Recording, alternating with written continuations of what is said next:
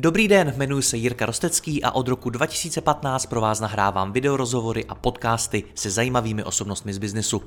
Mým cílem je předat vám co nejlepší inspiraci o podnikání a řízení firem, prakticky a dohloubky. Více než 1200 rozhovorů najdete i na mém webu mladýpodnikatel.cz a pokud chcete jít při poslechu ještě více dohloubky a nahlédnout do hlav top osobností českého a slovenského biznesu, přidejte se i mezi naše předplatitele. Partnerem podcastu jsou konversky.cz, kde si můžete za pár minut naklikat prodejní a poptávkové stránky pro vaše specifické podnikání. Podívejte se sami na trochu divné stránky www.konversky.cz. Děkuji vám za poslech a teď už další rozhovor. Co nejvíce prodražuje logistiku a jak a kde na ní ušetřit? O tom si budu povídat se dvěma zkušenými hosty. Prvním je Rudolf Malý, který má v logistice více jak 30 leté zkušenosti a firmám s nastavením logistiky pomáhá. Rudolf, já tě vítám, ahoj. Taky vítám a uh, moc děkuji za pozvání. Děkujeme tobě a přidá se k nám Max Kovář, šéf logistiky skladonu, který firmám nabízí fulfillment. Max, i tebe vítám zpátky, ahoj. Ahoj všichni a díky za pozvání. Pánové, když se řekne efektivita logistiky, tak eh, když se koukáte do firm, je to to, co tam vidíte? Jsou firmy v logistice efektivní, Rudolfe? Jako určitě existují firmy, které jsou uh, efektivní. Ono je to někdy o tom vůbec si vysvětlit, co to je ta efektivita. Klidně tím začni, co to podle tebe je. A co ty, lidi, uh, co ty firmy vlastně vnímají, jakože je pro ně efektivní. Jo. Já, za mě efektivita je to, že Eh, ty procesy, eh, ty procesy jsou funkční, nespůsobují, nespůsobují mi nějaký zbytečný turbulence a, a celý ten proces mi neprodražují. Jo. Takže eh, možná Max tomu dodá vyloženě z toho praktického hlediska, z té, já bych neřekl druhé strany, ale z té jako opravdu z toho, od toho praktika.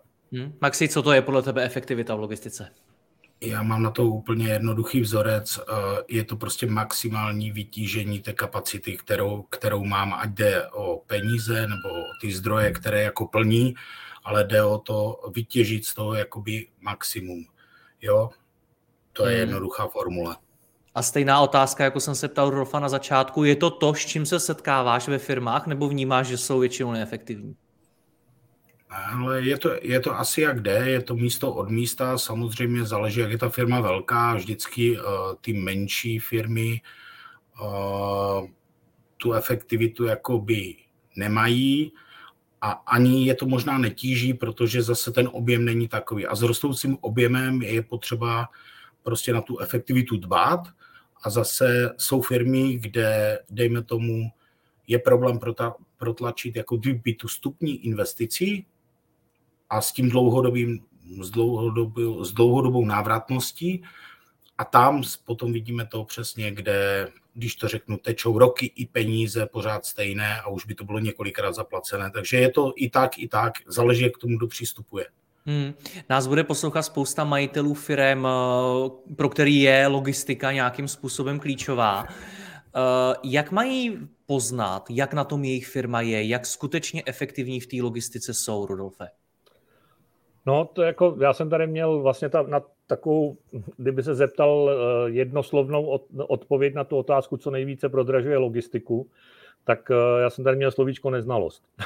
Mm-hmm. No, uh, protože velmi často, velmi často se vlastně i z té pozice toho nezávislého poradce, když se na to přijdu podívat prostě tím, tím jiným úhlem, tak zjišťuju, že, že ty firmy dost často žijou, žijou v nějaké představě, a, a vlastně si ty logistické náklady, protože ty, to je, ty jsou o té efektivitě v konečném důsledku, hmm. tak oni si je vlastně neumí ani spočítat. Jako reálně si je neumí spočítat. A proto potom se naráží, začnou uvažovat o tom, my si to teda nebudeme dělat sami, chtěli bychom outsourcing a teď dostanou nabídku na outsourcing a ten outsourcing je strašně drahý a, a tak dále a tak dále a tak dále a pak zjistíš, že eh, ty náklady, které eh, si oni doteďka vyčíslovali, tak jsou třeba dvě třetiny toho, co jsou reální. A čím to podle tebe, Rudolfe, je, že ta neznalost hraje tak velkou roli? To tady v Česku nemáme lidi, kteří by tomu rozuměli, nebo jich není dostatek?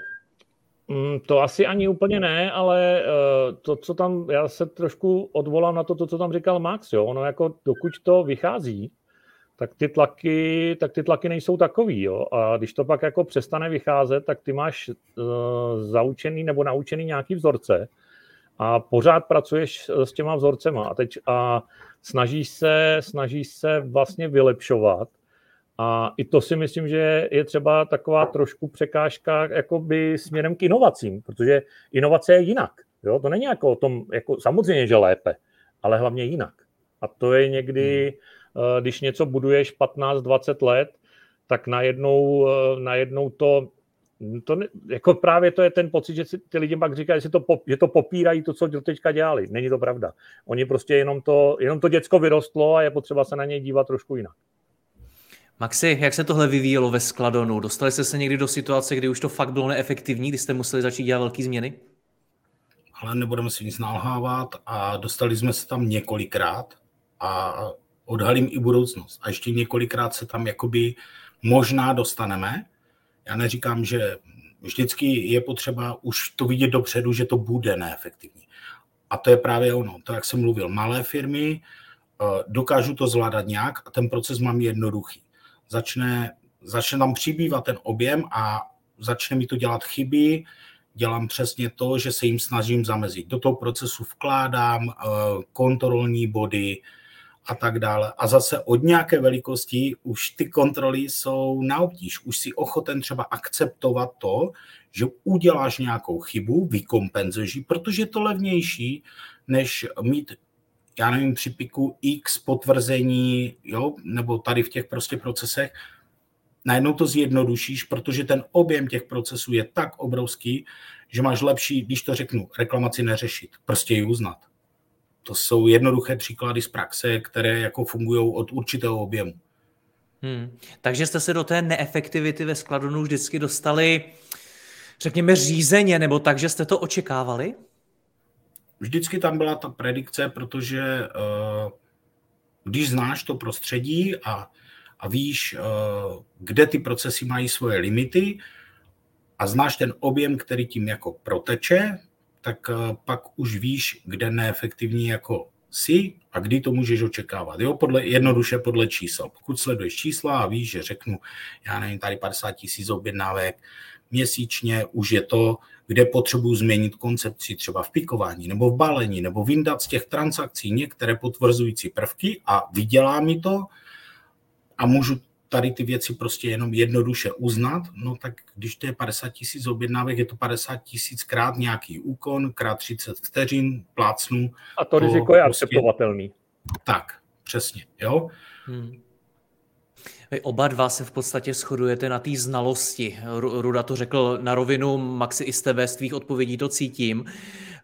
Maxi, dokdy to lze dělat sám bez nějakého zkušeného člověka na logistiku, protože většina e-shopů, většina takových firm, který něco, něco expedujou, tak většinou je nezakládají lidi, kteří by logistice jako hodně rozuměli. Tak do, mm-hmm. dokdy to můžu dělat sám? Já bych ti tu otázku trošku jako vyhýbavě odpověděl. Můžu to dělat sám, dokdy chci. Jo? To je tímto jako posunu bokem, ale od kdy bych to neměl dělat sám, bych spíš já položil tu otázku a to je, chci to dělat dlouho ten biznis, chci, aby mi rostl, tak už od začátku to nechci dělat sám. Chci tu, jo, když to řeknu, tak uh, zlomenou nohu taky nejdeš do lesa, nevezmeš si klacík, neofačuješ si to, ale jdeš doktorovi, jdeš k odborníkovi, on ví, co tak s tím má jako dělat. můžeš jako ten klacek přivázat. Jako. No jasně. Jo, potom ten efekt je taky takový, takže samozřejmě, uh, jo, spíš uh, jde o to, to je vždycky jako ten biznis nějak i vzniká, i u těch startupů je menší, a prostě jakmile on začne růst a dařit se, tak je třeba nes, nenechat se strhnout tím entuziasmem, prostě, že to máme takové, to zvládneme, to urveme. Ne, v tu chvíli je potřeba začít myslet. Skládon měl to štěstí, že vlastně, když jsem tady ještě nebyl, tak tady přišel na tu konzultaci Ruda a některé věci, které i u nás chlapci jako měli v plánu, tak jim jako vymluvil tím, eh, tou svou zkušeností jo, programovací hmm. VMS. A další různé věci, které jsou nadlouho, jsou složité, eh, spolknou hodně kapacity a tak dále. Takže spíš takhle bych odpověděl, že lepší je už od toho začátku myslet, pokud firma jako chci, aby rostla. A to já, jenom doplním, Jirko, já jenom doplním, Jirko, jestli můžu. Jo. Tam je uh, vlastně uh, Max relativně obšírně vlastně řekl, že uh, už od začátku není úplně špatně uh, druhý pohled. Jo, hmm. Protože uh, ten můj pohled může být právě trošičku zakalený, anebo naopak jako rozjitřený prostě nějakým tím entuziasmem a, a nějakýma těma nápadama a tak dále. A tam jako jedinou věc, kterou bych jako drobně Maxe opravil, já jsem to klukům nerozmlouval, já jsem klukům jenom ukázal, co to, co to reálně bude znamenat. Jo, to znamená, že to nebylo o tom, že bych jim řekl, tohle ne, tohle nedělejte, ale jo, kluci, jo, pojďte, a, ale tohle to pro vás bude znamenat. Jo. A, a to, to konečné rozhodování jako vlastně musí být zase na těch lidech, kteří, je to jejich biznis, to není můj biznis. Takže to je taková ta cesta, eh, která je celkem složitá, ale jako nepřesvědčovat, ale snažit se být tak přesvědčivej v úvozovkách, abych natchnul. Hmm. Co se stane, Rudo, když se setká tady to, ta tvoje zkušenost, více jak 30 letá, s tím začátečnickým nadšením? Co, co, je tam něco, co se často opakuje? Uh, často pro mě, pro mě je to o tom, že já jsem se, a možná opravdu i díky Skladonu a klukům ve Skladonu, uh, ten, ten člověk, který tam přijde jako z toho, z té pozice toho zkušeného, tak uh, musí strašně poslouchat.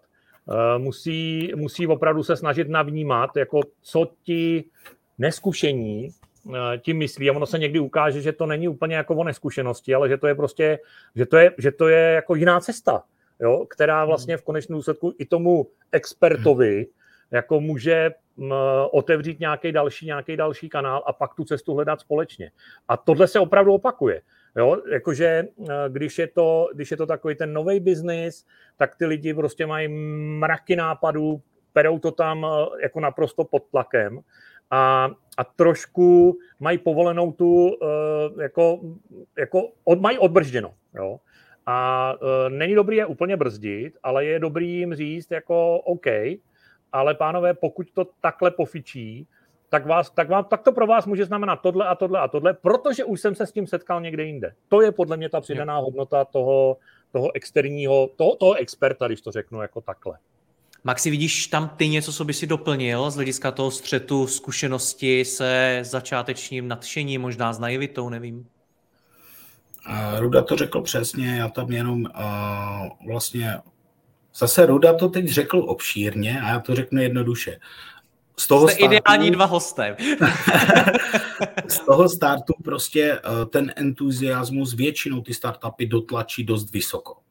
To, co je mm-hmm. potom zabije, je přesně to, že jsou nastavení od začátku stejně. Někde musí nastat bod zlomu, kde musím začít přemýšlet koncepčně a nejlépe to musí být ještě předtím, než se to jako všechno podělá. Hmm. To nás dostává k těm číslům a k těm predikcím. Rudo, ty jsi s tím začal, tak jak se počítá efektivita logistiky? Dobrý, kolik máme času? Kolik chceš? Když už vás tady mám, tak kolik chceš?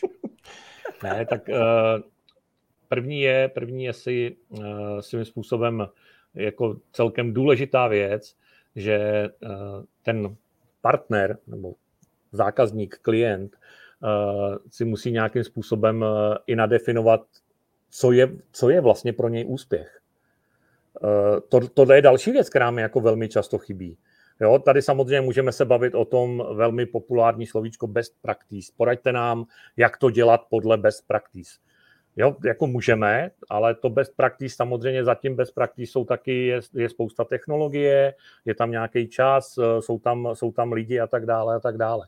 Takže já se tomu nechci od, jakoby vyhýbat jako rovný odpovědi, co je efektivita logistiky, ale ta efektivita musí směřovat k nějakému konkrétnímu cíli. Jo, to znamená, pokud ten zase ten člověk nebo ta firma si není schopna definovat ten konkrétní cíl, čeho vlastně chci jako dosáhnout. Co je pro mě, co je pro mě jako úspěch? Je pro mě úspěch každý rok vyrůst o 100%, nebo je pro mě úspěch každý rok vydělat 100 milionů, nebo je prostě pro mě úspěch, že mám spokojený zaměstnance. Jo, rozumíš, tam, tam těch měřítek je strašně moc.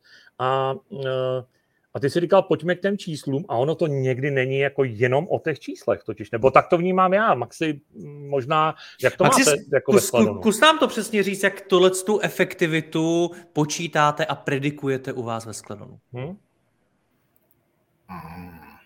jak řekl Ruda, mm, je spoustu těch cílů. My nejdeme jako, jako cíl, nemáme úplně hospodářský výsledek, to znamená, já nepotřebuji vydělat, ale potřebuji jako růst.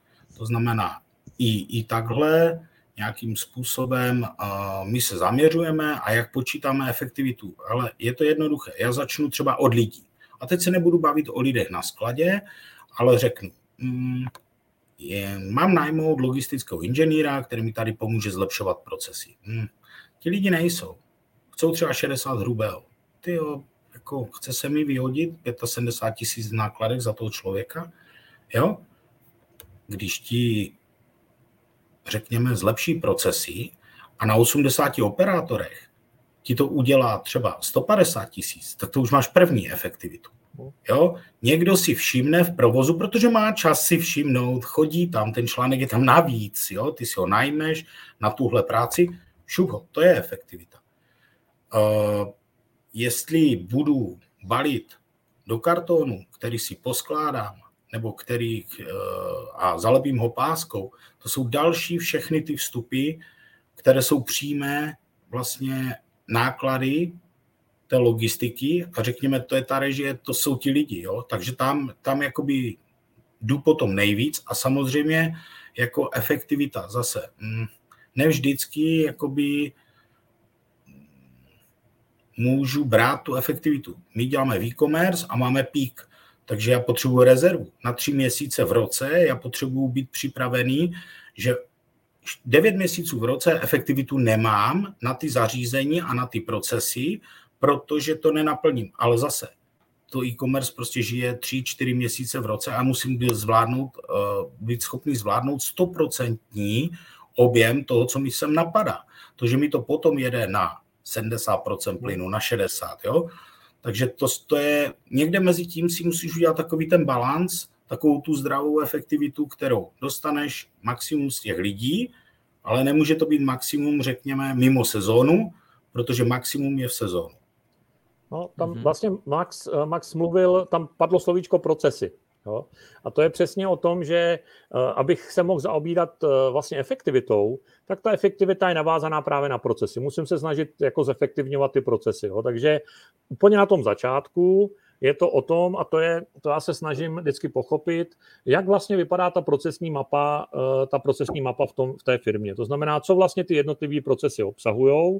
V ideálním případě pak k těm procesům vlastně přiřadit jako jednotlivý vlastníky, Eh, co mě ty procesy stojí, eh, co mě ty, co mě ty procesy vlastně přináší, nějaká přidaná hodnota. Už jsme u stream mappingu de facto, jo, ale, ale nemusíme tomu říkat stream mapping. Je to prostě o tom, že si opravdu musím uvědomit, jak ta moje procesní mapa eh, vypadá. Protože Max o tom taky mluvil. Přesně. Pak najednou zjistím, že tady tyhle ty procesy v té v procesní mapě uh, už mi nedávají takovou přidanou hodnotu, kterou mi dávali, já nevím, ještě třeba před půl rokem při, nějaký, při nějakým objemu. Při novém objemu už mi prostě smysl nedávají, ale abych tohle byl schopen identifikovat, tak tu mapu musím mít, ta mapa musí existovat. A uh, já teda bohužel, jako zase velmi často setkávám s tím, že ta mapa je intuitivní, že je pocitová. Jo, to znamená, ty lidi vědí, co mají dělat. Já to nespochybnuju vůbec. Jo ale jako pokud je intuitivní a jenom v hlavě, tak jako velmi složitě jsem schopen identifikovat právě tyhle ty eh, následně takzvaně zbytné, zbytné eh, procesy, eh, který najednou od určité velikosti nedávají smysl. Ono to velmi často právě souvisí třeba s tou kontrolou, o který mluvil, o který mluvil Max. Jak bych s toulením možná to doplnil, ty se vlastně, Jirko, ptal, jako na co se zaměřujeme. Já jsem třeba zmínil, uh, zmínil tu část těma operátorama, jejich využití a procesy. Jo? Ale součástí procesu je taky komunikace. Do určité míry ti stačí, že si to ti lidi řeknou, potom si to třeba napíšou přes Teamsy, potom z toho chatu se stává něco, kde už ani ti lidi nenajdou informace. Jo?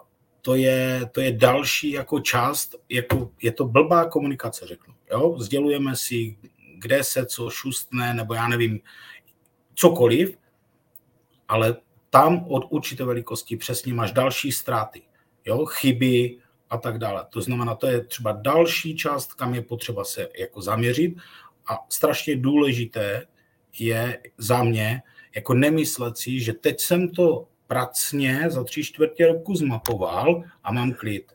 Jo? Pokud firma roste, třeba jako naše, hm, tak prostě dvakrát za rok je možná... Nikdy nekončí. Nikdy nekončí. Málo. To, to je nikdy nekončící proces.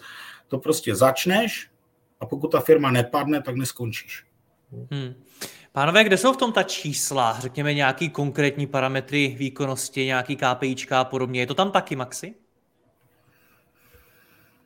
Uh, určitě ano. Uh, pokud to budu brát z té ekonomické stránky, tak uh, zase to, co jsem tady zmiňoval, tak to je zkracování konkrétních procesů, to jsou jednoduché, jakoby spočítatelné, kolik ušetřím. Ale ve finále, když se na to budu dívat jako ředitel, tak mě zajímá, kolik z toho, co přiteče do, do firmy, tak kolik z toho vlastně napustím do toho provozu. Jo? To znamená, dávám si target, kolik vlastně z toho všeho jakoby utratím. To jsou první čísla, takže můžeme se bavit třeba o podílu nákladů, podílu nákladů na obratu.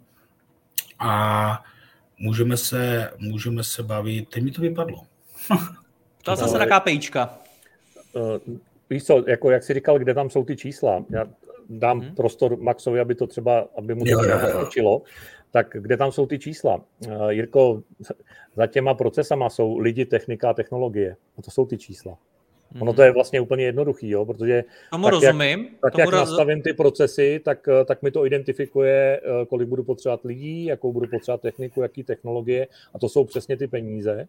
A Eh, dá mi to odpověď na to, kolik jsem schopen, kolik jsem schopen v tom nastaveném systému zvládnout. A to jsou ty peníze takzvaně z druhé strany. Takže to jsou ty plusový, o těch minusových jsem mluvil teďka. Když to, když to, když to sečtu nebo odečtu, tak mám vlastně, tak mám profitabilitu, mám, mám efektivitu, kterou můžu stahovat, stahovat k obratu, můžu ji stahovat, můžu ji stahovat na jednotky zmanipulovaný podle toho, co chci uh, sledovat a co je, co je pro mě dobře komunikovatelné i do týmu. A to je tady zase navážu na Maxe, který mluvil o té komunikaci, protože tohle já musím umět komunikovat i do týmu. Tohle nejsou informace jenom pro top management.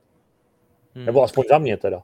Já jsem hodně mířil k tomu, jestli jsou nějaký konkrétní KPIs, který třeba sledujete. Určitě. Jaký? Jestli chceš, jako jaký sledujete ve Skladonu, nebo já můžu říct obecně? Řekni obecně. Eh, obecně, obecně, do, já to pak doplním. Eh, obecně je to určitě o tom, eh, já nevím, kolik, kolik piker zvládne piků, jaká je, jaká je chybovost, jaký jsou, jaký jsou vlastně konkrétní třeba náklady na, to, což se teďka začíná hodně, jaký jsou třeba náklady na obalový materiál a tak dále, takže to jsou jenom nějaký příklady, který Eh, jsou docela důležitý sledovat, protože mi to odpovídá vlastně na všechny ty tři otázky lidi, technika, technologie. Maxi, ve skladonu? Tak je to jednoduché. Když vezmu ten proces, jestli je to ve skladonu nebo kdekoliv jinde, tak vlastně svým způsobem bych měl celý ten proces od příjmu až po ten konec, měl mít rozsekané na nějaké dílčí bloky, eh, řekněme třeba, já nevím, eh, řekněme příjem, tak si ho rozdělím na vůbec nějakou vykládku, to znamená dostanu to za rampu a měl bych vědět, kolik mi to trvá. Jak vyložím dodávku, jak vyložím kamion, jak vyložím kontejner. To jsou jednoduché věci, protože to stejně potřebuješ nacenění. Hmm. Jo, ty to můžeš nacenit, takže si zase Ruda to tu zmiňoval. Myslím si, že mi to bude trvat dvě hodiny ve třech lidech. Jo? Vezmeš kalkulačku, spočítáš to, realita může být jinde. Takže to jsou ty věci a vlastně sleduješ každou tu část procesu, takže máš výkládku, potom nějaký handling s tím, jako to přepočítat, udělat nějakou kvalitu, jo, a každé to, co tady zmiňuju, tak pro každou tu věc ve skladonu na úrovni klienta, protože každý náš klient jsme fulfillment, se chová jinak, tak zase to, eh, ta hodnota toho, kterou chci u něho sledovat, nebo kterou mám jako target, jako normu, řekněme, mám trošičku jinou. Jo? Takže eh, ty, aby si ty hodnoty nastavil, tak si to musíš taky trochu vyzkoušet a nemůžeš to hádat, ale vlastně když půjdu přes PIK tady byl zmíněný, to znamená vůbec na PIK kusu, na PIK objednávky, jestli je mám zhlukovat, eh, jestli to mám dávat do zón a zase ty to dáš krásně do zóny a ti to lidi vychystají. Když ti tam spadne víc objednávek, tak eh, čím víc lidí, tak oni se spíš jako utlačí v té zóně a tam se ti to zlomí a je to kontraproduktivní. Jaký vůbec Balení. ty pickingu zvolit, že jo? Jako jo. Takže to jsou jako konkrétní, uh, konkrétní uh, ukazatele, které sledujeme a, a jednoduše jsou to, všechno jsou to vlastně svým způsobem časy. Můžeš sledovat ještě jako délku nějakých trás, jo, že tohle ještě můžeš zkracovat, ale to už je jakoby ten detailní pohled, který dělá spíš ten, jako třeba u nás, jako už dělá ten engineering. Já jako šéf se prostě dívám opravdu, kolik spotřebuju spíš těch peněz, ale samozřejmě tohle všechno je navrstvené pod tím. Tak jak si říkal, jak by se ti lidi na to měli dívat, tak od spodu nahoru. Většinou to funguje. Na konci měsíce eh, mám takové tržby a mám takové videa a tolik mi zbylo a podle toho tak posoudím, hele, mě to asi stačí. Ale... Teď, jsi mi, teď jsi mi Maxi nahrál, protože no vlastně ty, ty KPI, nebo ty klíčové parametry výkonnosti, uh, musí, mít, uh, musí mít přímou vazbu na ceník. Jo, prostě, protože pak mám tu odpověď jako velmi rychle a nemusím uh, mít nějaký převodní tabulky a tak dále, takže v ideálním případě tam musím mít nastavenou nějakou vazbu na ceník, nebo v případě fulfillmentu na ceníky samozřejmě, jo, protože tam, jak říkal Max, tam co zákazník, to vlastně téměř unikát. Hmm. Pánové, zajímají, zajímají mě i ty technologie. Maxi, jaký technologie, systémy, VMS, co používáte ve Skladonu? Ale máme tady VMS, jeho asi název nebudu úplně zmiňovat, ale je to robustní VMS, programujeme si ho sami, což je obrovská výhoda. Na druhou stranu zase, jo, budeme se o tom bavit, jak strašně drahý člověk. Mám si tu dát dva na vývoj, nebo tu mám mít pět na vývoj. Jo? To je přesně to ono, když to řeknu, ajťák dneska jako 100 tisíc měsíčně jako běžný náklad, jo? Když to řekneme, tak chci do toho dávat eh, ty peníze a software. Za mě je to jednoduché, tady chci dávat peníze vždycky a chci to mít nejlíp ošetřené, protože já to nazvu, že tohle je centrální mozek lidstva, operátor nebo dispatcher je fajn, že tady mám tým lídra, který se dívá, jestli ti lidi uh, dělají, co mají, ale určitě nechci, aby klikal v systému, přiděloval jim práci a nedej bože, jim ještě uh, psal na papírek nebo psal něco na papírek. Tohle je úplně špatně. Chci, aby to běželo autonomně a aby ten systém rozděloval tu práci, protože stoprocentně bude rychlejší, takže to je ta softwarová část jakoby ta, té technologie. No a samozřejmě třeba nechci, aby lidi nachodili, takže chci, aby to zboží buď jako přitáhnout k ním, to znamená postavím je před nějakou skladovací věž, nebo jim pomůžu to, odhodím na nějaký dopravník, nebo je zavřu do zóny, dám jim tam, řekněme, robotka, teď je to populární a on to doveze zase ten kousek, to znamená, jestli nachodí 15 km anebo 3, je dost rozdíl, protože já nechci platit za chození, já chci platit jako za tu manuální činnost, kdy nenahradím toho člověka. Takže to jsou asi vlastně dvě, dvě rozdílné roviny, ale musí fungovat spolu.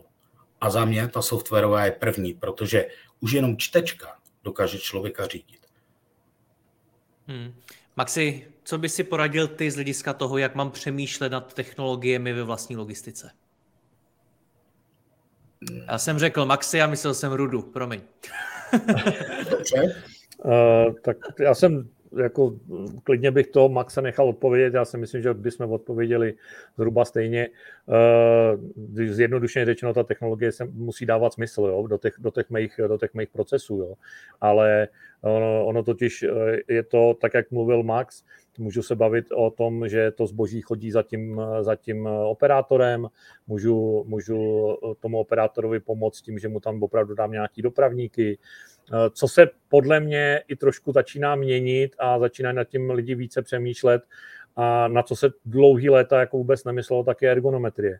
Jo, to znamená jako opravdu ty pracoviště eh, sestavit tak, aby to pro ty lidi bylo komfortní, Eh, ano, oni samozřejmě, že chodí do práce pracovat, ale jako já chci, aby ten člověk byl schopen podávat eh, maximální výkon po celou dobu, prostě, co je v práci, a ne, že po třech, no, po čtyřech hodinách ho prostě začnou bolet záda, jenom protože já jsem ušetřil a on musí zvedat těžké věci někde ze země nahoru a tak dále. Takže tam si myslím, že se to docela mění, ale je tam ještě jako u tohohle si myslím, že je ještě jako obrovský prostor ke zlepšování. A když to řeknu úplně natvrdo, je to to nejlevnější. Jo, to, je to mnohem levnější než eh, dopravníky, než eh, vyskladňovací věže a tak dále. Zamyslet se nad tím, jak to pracoviště vlastně má ergonometricky vypadat. Maxi, doplnil bys něco? Ale jak když se podívám na technologie, tak já budu opakovat tu svou mantru, my už jsme se o tom bavili. Ta technologie, eh, ano, Ruda má pravdu, musí dávat smysl a za mě, já to rozvedu, prostě nesmí tě blokovat. To znamená, rok, dva chceš fungovat, tak si barák nezabetonuju železem dopravníkama, které pak nejsem schopný se šroubovat nebo modifikovat. To znamená, buď těch technologií, a zase my tady používáme jakoby jednotné číslo, což je zavadějící. Jinými slovy, vyberu si technologii. Ne, vy, vyberu si technologie v nejlepší kombinaci. A přemýšlím tak, abych kdykoliv podle potřeby já nevím, budu mít obrovské štěstí, prostě a splní se mi moje přání pětkrát a přijde něco, obrovský biznis a já nebudu schopen ten barák prostě překopat a udělat ten provoz rychle uh, pro tu otevřenou příležitost.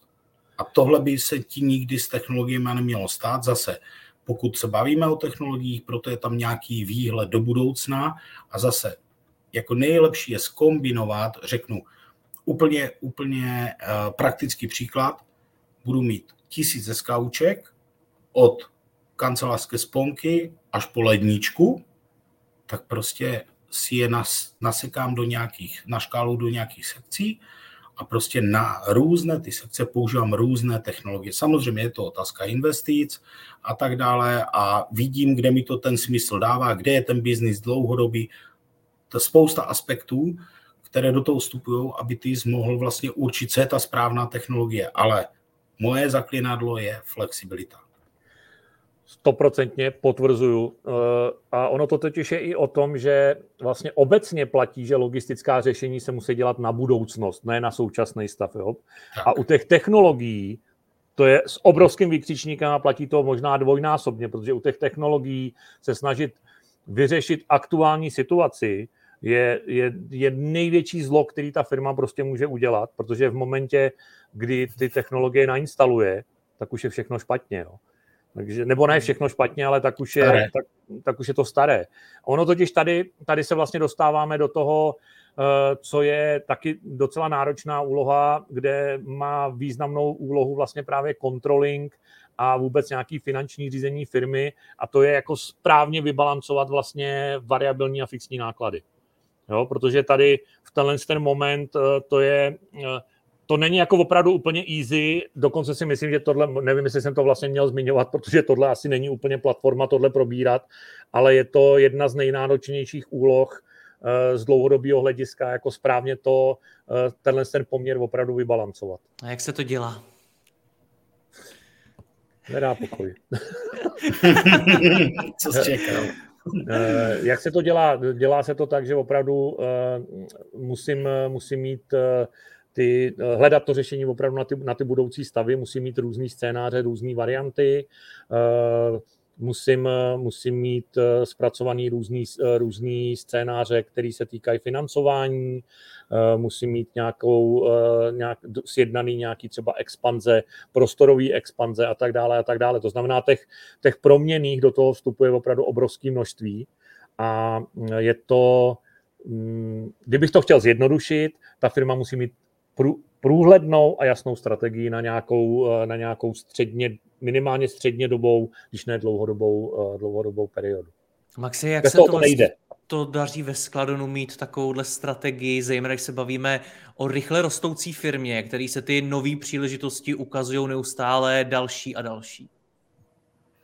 Ale tady je, tady je asi obrovská výhoda, že my jsme fakt eh, to naše distribuční centrum eh, nezadělali technologiema, teď eh, se dostáváme do poslední fáze. Ty víš, že jak jsme měli ty rozhovory, tak jsme se tak plus minus bavili a vlastně ta firma nějak rostla. Já jsem teď rád, že svým způsobem za našima zdma už jsou jako nájemci, kteří tam budou chviličku, to znamená, my se přestaneme rozpínat do šířky a, a vlastně teď předěláváme to distribuční centrum na nějaké sekce, to znamená, dejme tomu paletové skladování, to už můžu vybavit technologiemi. Protože pokud vezmu paletové skladování, tak je mi jedno, jestli tam mám hromadu krabic s kancelářskou sponkou anebo jednu ledničku. Je to pořád paleta. Tam já už můžu jít na, řekněme to, konečné řešení. No a pak samozřejmě mm, se zamýšlím nad tím, jo, můžeme se tady bavit, kdyby tu bylo x dalších logistiků a řekněme třeba z fulfillmentu i z fabriky, můžeme se takhle bavit, co je lepší.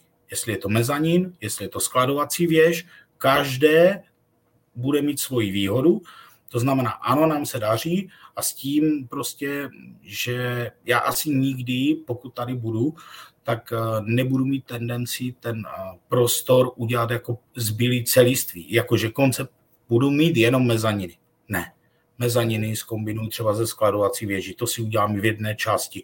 Jestli někde budu chtít mít otevřený prostor a budu chtít mít nad ním vzduch, protože když to přijde a já budu jednat s někým velkým, eh, já nevím, teď se můžeme podívat do fashionu na nějakou velkou značku a oni řeknou OK, my bychom něco takového chtěli a mě to bude stát 5, 7 tisíc metrů čtverečních haly a řeknou, fajn, pojďme jednat, my podepíšeme smlouvu, za rok jsme u vás. Tak já nemám ale problém tam dát třeba ten miniload.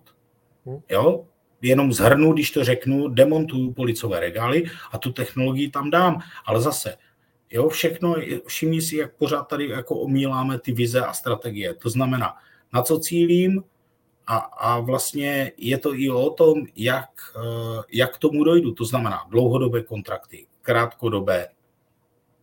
Hmm.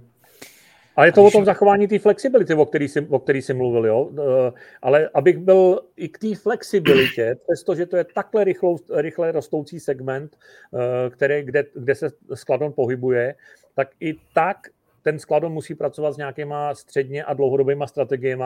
To znamená, jako kam se chce vyvíjet. No, když to řeknu, i kdyby to mělo být jenom třeba o tom eh, se rozhodnout eh, o, priorit, o prioritách segmentech. Jo.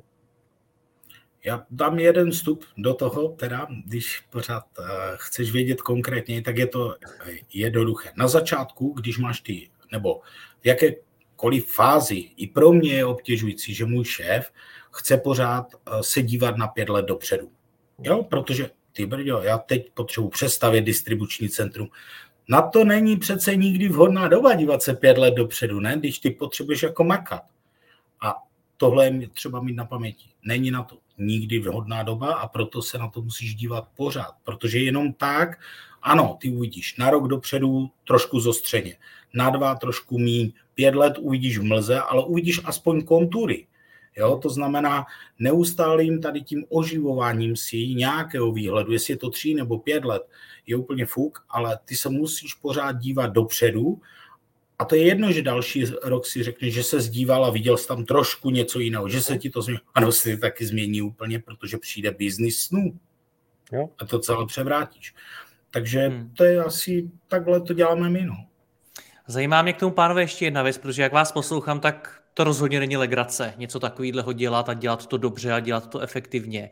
Tak mě zajímá, jestli je budoucnost ten outsourcing, Rudo. No ježiš, tak co mám říct jinýho, když tady máme zástupce No, proto, jsem tu, proto jsem tu otázku první položil ne, ne, tobě, ne, ne, Rudo. Ne, určitě, určitě, samozřejmě za mě. Uh, hele, to je taková, uh, ono to je součást i nějaký životní filozofie. Uh, jeden můj kamarád tvrdí jednu věc, že každý má dělat to, co umí a na zbytek si musí vydělat. To znamená, já si osobně myslím, že tohle, a tohle říká všechno. Jo? Takže proč by výrobní firma, která je špička ve svém oboru, uh, utrácela, utrácela energii, utrácela peníze, aby se učila, aby se učila logistiku, aby se učila logistické procesy, uh, když, uh, když jsou tady firmy, které jsou v tom profesionálové a pořád tady ještě existuje outsourcing interní logistiky. Jo, to není o tom, že to musím úplně vytěsnit z té firmy. Pokud mám, pokud mám pocit, že eh, pokud mám pocit, že to chci mít u sebe, mám, dokonce mám prostory, už jsem pořídil prostory, tak jako asi by to ani nedávalo smysl to vytěsnit někam úplně jinam, ale pořád to může být tak, že, že vlastně tu, eh, to know-how a eventuálně lidi tam prostě dodá ten, ten logistický profesionál. Takže za mě jako zcela určitě outsourcing eh, je správný směr. A teďka, když se mě, kdyby se mě někdo zeptal, a občas se tak mám takový, od kdy outsourcovat, eh, neexistuje univerzální, univerzální číslo nebo univerzální uh, jakoby bod, od kdy outsourcovat. Ale obecně myšlenka outsourcingu si myslím, že je velmi progresivní a efektivní a nejenom v logistice, jo? jenom abych to zhrnul, ne, nemusí se to týkat jenom logistiky, hmm. ale tady se bavíme o logistice. Maxi, za tu dobu, co jsi ve Skladonu, komu to teda nejlíp funguje? Jakým firmám outsourcing logistiky sedí nejvíc? Ale já... U mě je to složité, já to řeknu jednoduše. Všem. Já jsem zažil i to průmyslové prostředí a vem si. Můžu zmiňovat jako značky? Výrobní? Klidně, klidně můžeš. OK, budeme se bavit o Hyundai, pro ně dělá logistiku Mobis. Jo?